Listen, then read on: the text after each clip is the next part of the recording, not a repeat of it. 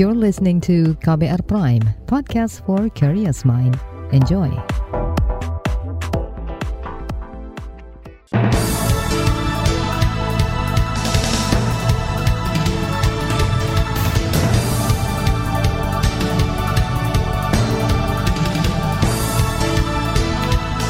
Pagi saudara, senang sekali kami bisa menjumpai Anda melalui program Buletin Pagi, edisi Kamis 9 Juni 2022 bersama saya Roni Sitanggang. Sejumlah informasi pilihan telah kami siapkan, di antaranya DPR desak pemerintah tetapkan status darurat wabah penyakit mulut dan kuku ternak. Presiden Jokowi ingin bangun ekosistem mobil listrik. Yogyakarta khawatir penghapusan tenaga honorer memperburuk pelayanan publik. Inilah Buletin Pagi selengkapnya terbaru di Buletin Pagi. Dewan Perwakilan Rakyat DPR mengkritik kinerja Kementerian Pertanian dalam menangani wabah penyakit mulut dan kuku PMK hewan ternak. Anggota Komisi Bidang Pertanian DPR Dedi Mulyadi menilai PMK menjadi masalah besar bagi peternak dan rakyat kecil. Dedi menuding tidak ada langkah konkret pemerintah dalam menangani PMK yang terus mewabah. Ini solusinya apa yang akan dilakukan? Bukan hanya berpikir vaksin. Vaksin juga nanti ada proses lagi. Juli baru keluar. Juni tanggal sekian. Selama grafik itu Idul Adhanya udah lewat. Kan harus langkah cepat itu. Di langkah cepat itu harus tersaji di dalam anggaran. Sehingga apa yang harus dilakukan sampai hari ini saya tanya. Pernahkah Bupati Wali Kota dikumpulkan oleh Kementerian Pertanian? Nggak pernah. Pernahkah Kepala Dinas Peternakan di seluruh daerah dikumpulkan? Diminta langkah? Tidak pernah. Anggota Komisi Bidang Pertanian DPR Dedi Mulyadi mendorong adanya kompensasi material bagi peternak yang hewan miliknya terinfeksi PMK. Selain itu memperketat lalu lintas hewan ternak antar wilayah dan melindungi ternak yang masih sehat serta belum tertular. Sementara itu anggota Komisi Bidang Pertanian dari fraksi PKS Slamet meminta Kementerian Pertanian mendesak Presiden Joko Widodo menetapkan status bencana terkait wabah PMK. Penetapan status bencana akan mempercepat penanganan wabah PMK, termasuk menerapkan stamping out atau memusnahkan sapi yang terinfeksi PMK dan menggantinya dengan nominal uang. Sementara itu, Sekjen Kementerian Pertanian Kasdi Subakyono memaparkan sejumlah upaya yang dilakukan guna menangani wabah PMK. Misalnya, mengalokasikan kembali anggaran untuk penanganan wabah, termasuk pengadaan obat-obatan hewan. Di lapangan, Kementerian Pertanian juga memperketat lalu lintas hewan ternak antar wilayah prinsipnya adalah sampai saat ini dengan kemampuan anggaran yang ada, kami melakukan beberapa uh, tindakan SOS terutama yang berkait dengan baik menyangkut masalah uh, pendataan, kemudian yang kedua adalah menyangkut masalah penata kelolaan lalu lintas ternak antar wilayah, kemudian juga penyediaan daripada obat-obatan dari anggaran yang saat ini ada, dan nanti tentu kami juga sebenarnya sudah membicarakan berkait dengan refocusing setelah Bapak Menteri memberikan arahan kepada kami untuk dilakukan itu. Sekjen Kementerian Pertanian Kasdi Subakyono merespon desakan anggota Komisi Bidang Pertanian DPR untuk mendesak Presiden Jokowi menetapkan status bencana terkait meluasnya PMK. Kata dia, tidak semua daerah bersedia ditetapkan wilayahnya sebagai zona merah atau daerah bencana wabah PMK. Kasdi menyebut hanya Jawa Timur dan Aceh saja yang sudah ditetapkan sebagai daerah darurat terdampak wabah PMK. Sementara itu terkait vaksin PMK, Dirjen Peternakan dan Kesehatan Hewan Kementan Nasrullah menjelaskan pemerintah mengimpor vaksin darurat sebanyak 3 juta dosis dari Prancis. Diperkirakan vaksin impor itu tiba pada pekan ini. Ada juga vaksin impor dari negara mitra Organisasi Pangan dan Pertanian yang akan tiba minggu ini. Lalu pada Juli, pemerintah melalui Kementan akan mendatangkan vaksin hasil kerjasama dengan Australia, Brasil, dan Selandia Baru. Tahun ini Indonesia membutuhkan vaksin PMK sebanyak 27 juta dosis. Sementara itu, Sekjen DPP Perhimpunan Peternak Sapi dan Kerbau Indonesia, Rohadi Tawaf, mengatakan penetapan status darurat wabah atau kejadian luar biasa KLB terkait PMK sangat penting dilakukan.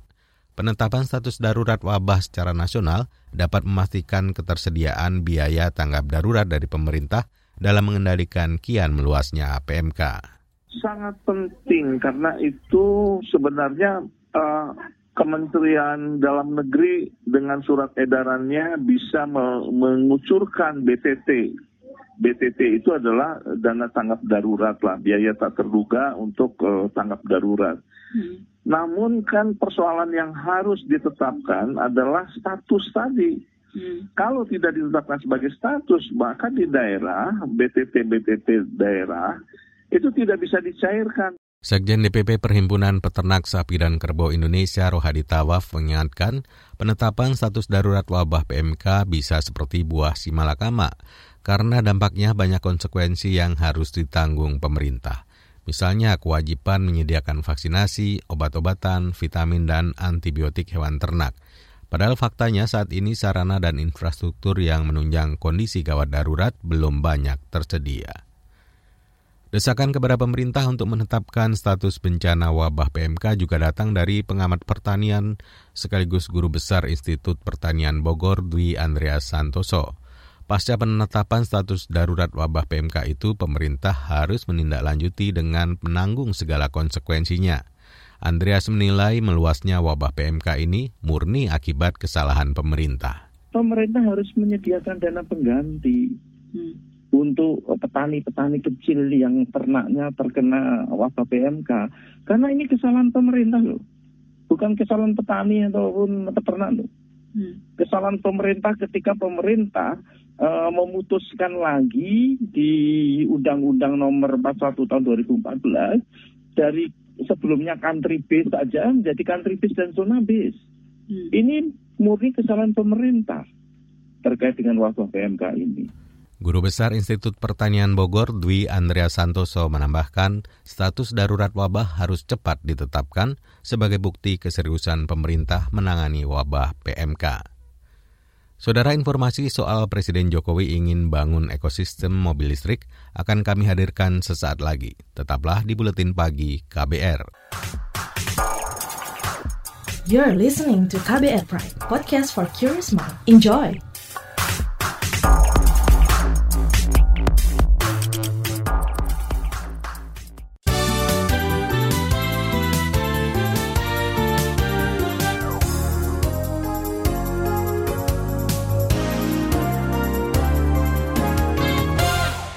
Sedang mendengarkan buletin pagi KBR.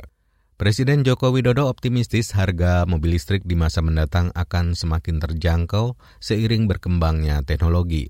Saat meninjau kawasan industri terpadu Batang di Jawa Tengah, Jokowi juga menyatakan Indonesia harus mampu membangun ekosistem mobil listrik dari hulu hingga hilir.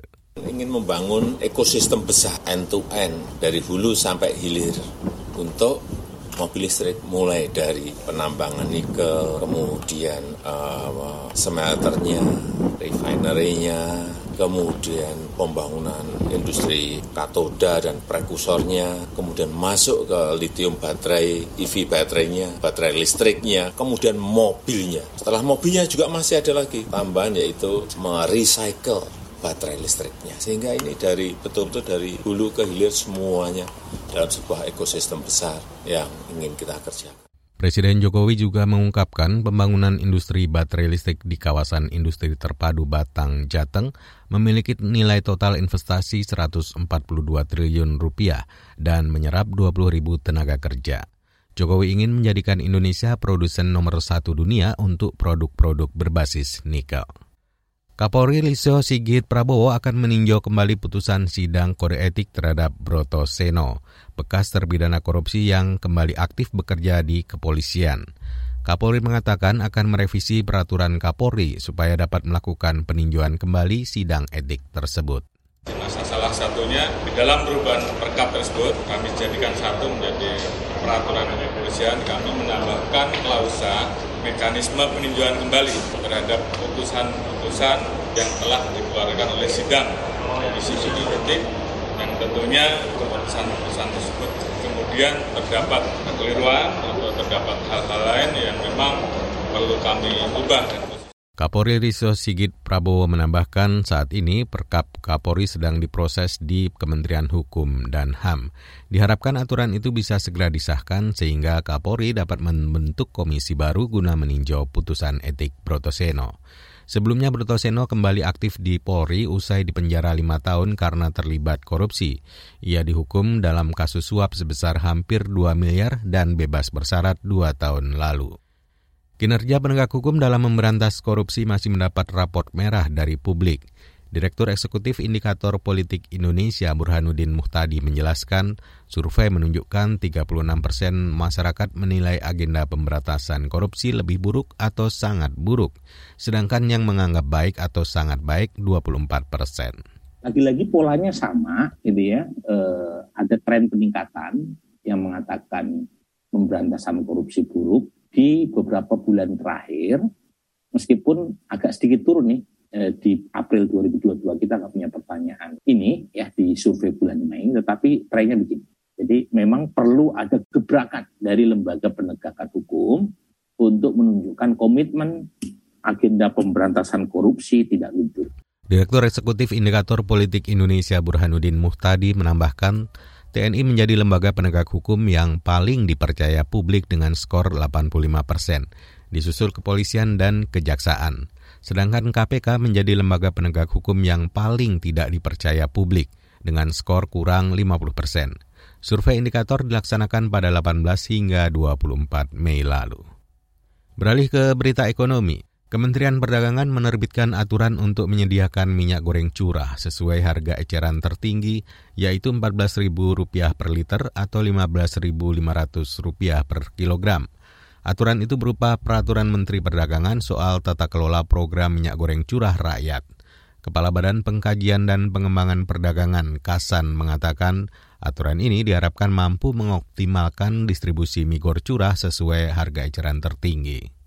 Bagaimana program ini bisa mencapai tujuan? Nah, tentu kita melibatkan uh, produsen CPO ya sebagai pemasok bahan baku minyak gorengnya, lalu ada produsen minyak gorengnya sendiri sebagai pemasok minyak goreng curahnya, plus adalah pelaku usaha jasa logistik dan eceran. Dan juga distributor yang saat ini juga sudah ada dalam sistem uh, sistem informasi minyak goreng curah yang sebelumnya sudah dilakukan oleh Kementerian Perindustrian.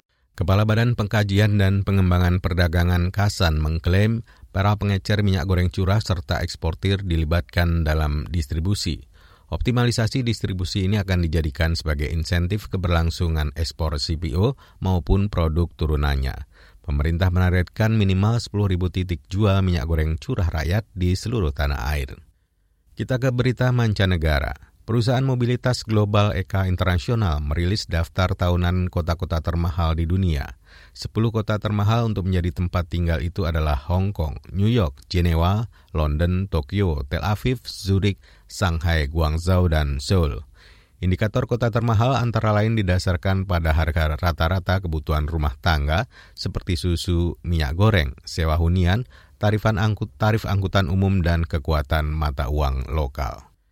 Kita ke berita olahraga. Timnas Indonesia menang 2-1 saat menghadapi tuan rumah Kuwait di grup A kualifikasi Piala Asia 2023 dini hari tadi. Gol untuk timnas disumbangkan Mark Klok dan Rahmat Rian Irianto. Kemenangan tersebut bersejarah lantaran terakhir kali Indonesia mencatat hasil serupa adalah 32 tahun lalu. Pada pertandingan yang berlangsung di Stadion Internasional Jabar Al-Ahmad Kuwait itu, tuan rumah unggul terlebih dahulu melalui gol Yosef Al-Sulaiman. Hasil positif tersebut membawa Indonesia ke peringkat pertama klasmen grup A dengan koleksi 3 poin. Pada pertandingan berikutnya minggu dini hari, timnas akan menghadapi Jordania. Beralih ke turnamen Indonesia Master, Jonathan Christie ditundukkan pemain Cina Zhao Jungpeng lewat rubber game. Zhao yang kini menempati peringkat 35 dunia pun melaju ke babak 16 besar. Kekalahan juga diderita tunggal putra Indonesia Tommy Sugiarto dan Cesar Rustavito. Sedangkan kemenangan tunggal putra Indonesia diraih Kico Wardoyo dan Anthony Ginting. Saudara Indonesia Master digelar di Istora Senayan, Jakarta hingga 12 Juni nanti. Di bagian berikutnya kami hadirkan laporan khas KBR tentang mencari solusi ganjalan RUU Perlindungan Data Pribadi. Tetaplah di Buletin Pagi KBR. You're listening to KBR Pride, podcast for curious mind. Enjoy!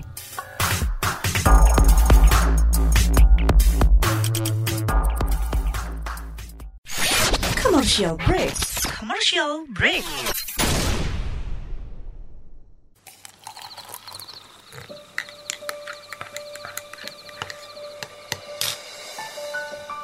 Hai, kamu apa kabar? Masih suka menikmati senja dan kopi? Aku masih ingat kebiasaan kita. Sehabis pulang kerja, selalu mencari tempat untuk sekedar ngobrol dan ngopi. Tapi kadang kita kehabisan bahan obrolan. Aku masih melakukan hal yang sama sampai sekarang tanpa harus takut habis bahan buat ngobrol. Karena aku selalu mendengarkan KBR sore dari Senin sampai Jumat jam 4 sore. Ah, aku rindu. KBR Inspiratif Terpercaya.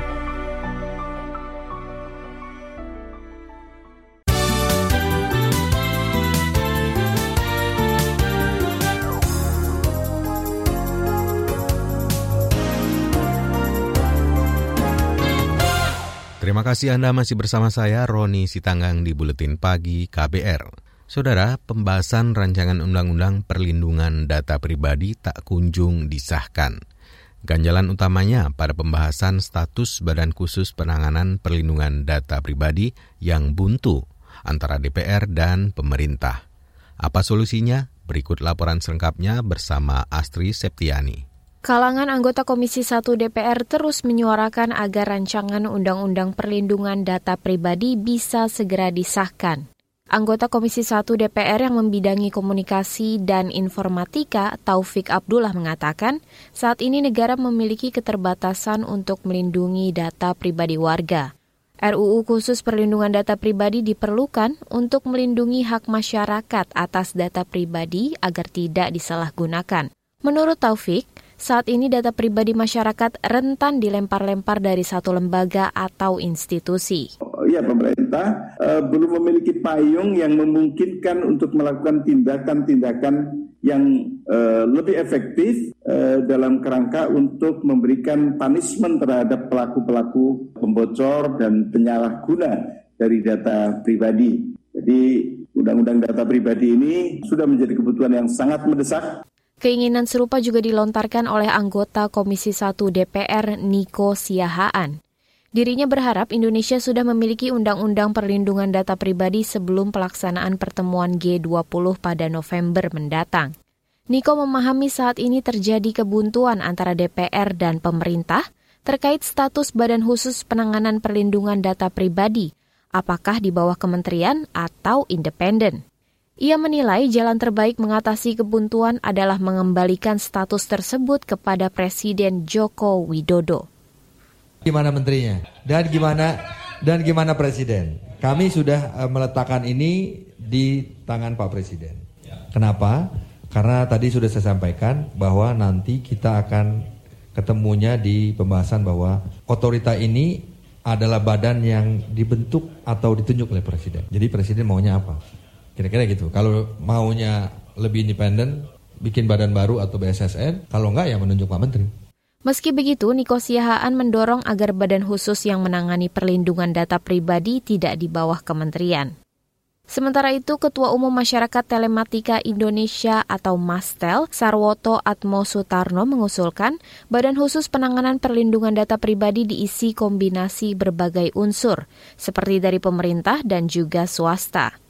Adapun pertanggungjawabannya bisa langsung ke Presiden sebagai penegasan status badan khusus itu adalah independen. Itu yang yang paling penting uh, itu dibentuk bahwa nanti dia bertanggung jawab pada Presiden ya itu lebih independen gitu ya. Usulan lainnya datang dari koalisi LSM Advokasi Perlindungan Data Pribadi.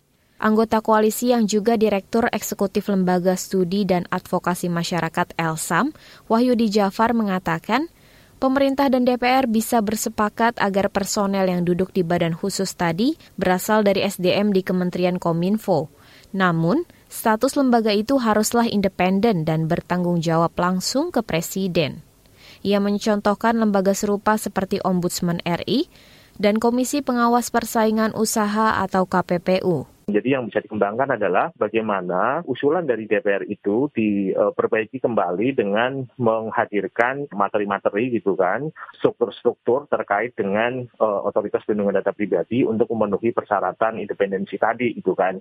Misalnya terkait dengan uh, mekanisme pemilihan komisioner perlindungan data pribadi, dan seterusnya. Wahyudi juga mengingatkan, menempatkan otoritas perlindungan data pribadi di bawah kementerian membuat wewenangnya tidak akan bisa lebih luas dari tugas, fungsi, dan wewenang kementerian itu sendiri. Kebocoran data pribadi di masyarakat saat ini sudah ditaraf mengkhawatirkan. Bentuknya bisa bermacam-macam, mulai dari tawaran asuransi via telepon, SMS spam, tawaran judi, hingga salah tagih pinjaman online. Salah satu korban penyalahgunaan data pribadi adalah Lazuandi. Ia didatangi penagih utang online, padahal dirinya tidak pernah mengajukan pinjaman. Ia berharap agar RUU Perlindungan Data Pribadi segera disahkan, agar penyalahgunaan data pribadi bisa dihukum. Semoga ada gebrakan gitu atau ground zero sehingga semua yang terjadi itu yang menimpa konsumen bisa dihapuskan dulu gitu karena kebayang deh ketika dari kasus yang saya sebutkan tadi dari pay letter salah satu aplikasi traveling yang menimpa orang di Twitter, dia harus ngurus sendiri gitu. Padahal dia nggak ngelakuin gitu. Hal-hal kayak gitu tuh harusnya jangan sampai terjadilah kitanya duluan yang nge, baru pemerintah bergerak gitu. Harusnya semuanya dibersihkan dulu lah hal-hal yang di luar kendali kita gitu. Demikian laporan khas KBR, saya Astri Septiani. Informasi dari berbagai daerah akan hadir usai jeda, tetaplah bersama Buletin Pagi KBR. You're listening to KBR Pride, podcast for curious mind. Enjoy!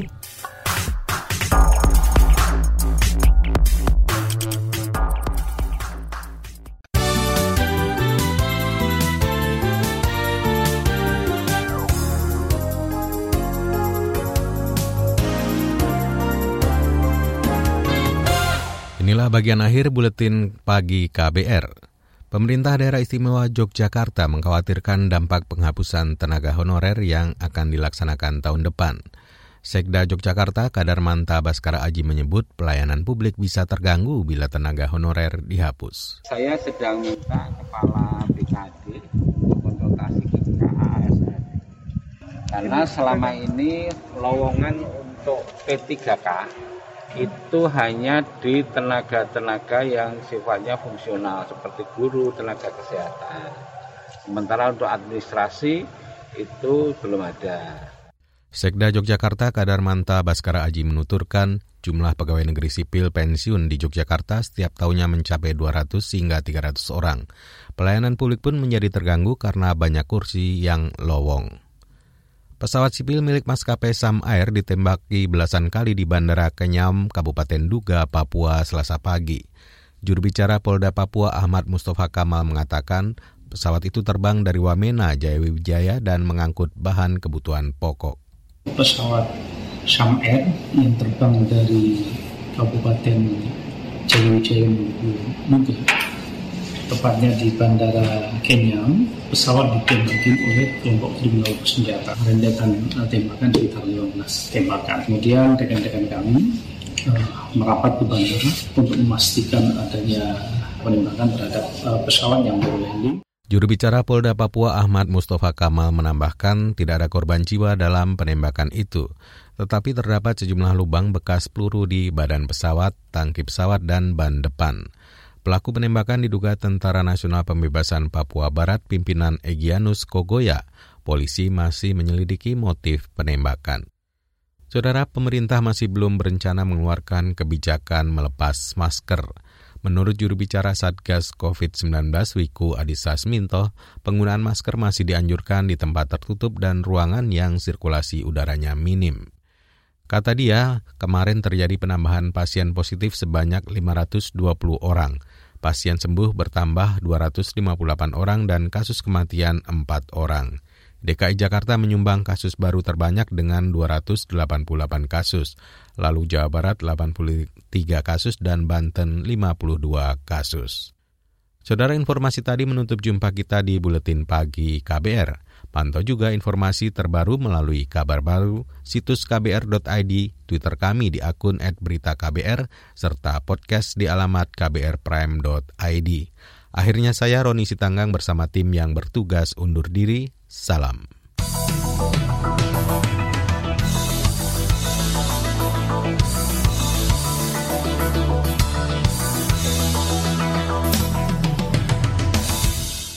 KBR Prime, cara asik mendengar berita. KBR Prime, podcast for curious mind.